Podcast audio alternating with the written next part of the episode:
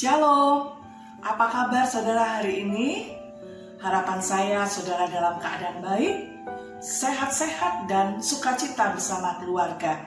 Tema kita hari ini sepiring sayur yang nikmat.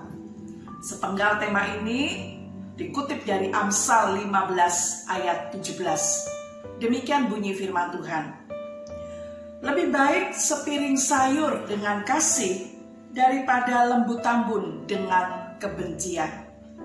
Ayat ini merujuk kepada situasi, misalnya di tengah-tengah keluarga. Jelas tidak nikmat makan makanan yang enak, namun dalam kemarahan atau kebencian.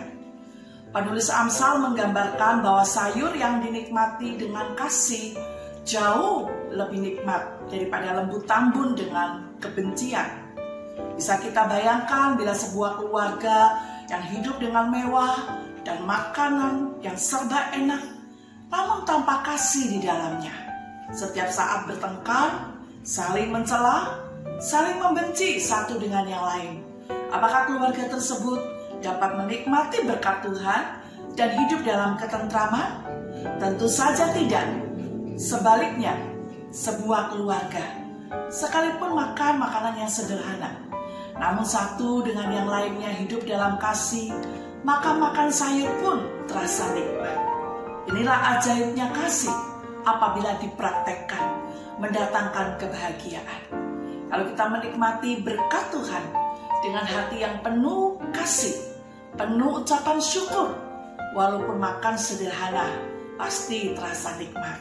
Sebaliknya, meskipun ada tenderloin stick di depan mata, tapi ada perselisihan, sedang emosi, marah-marah, suasana tidak baik dalam keluarga, maka bagaimana kita bisa menikmati berkat Tuhan? Pilihlah hidup dalam kasih, bukan kemarahan atau kebencian.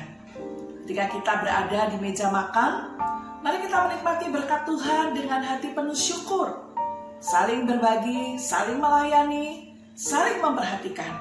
Jangan bersungut-sungut, jangan mengeluh, apalagi bertengkar di meja makan. Tapi mari kita mengucap syukur dan memuliakan Allah yang daripadanya segala berkat kita terima. Apa pun yang dimakan dengan ucapan syukur dan dengan hati yang penuh kasih, memberi kenikmatan dan kedamaian. Selamat mempraktekkan Tuhan Yesus memberkati.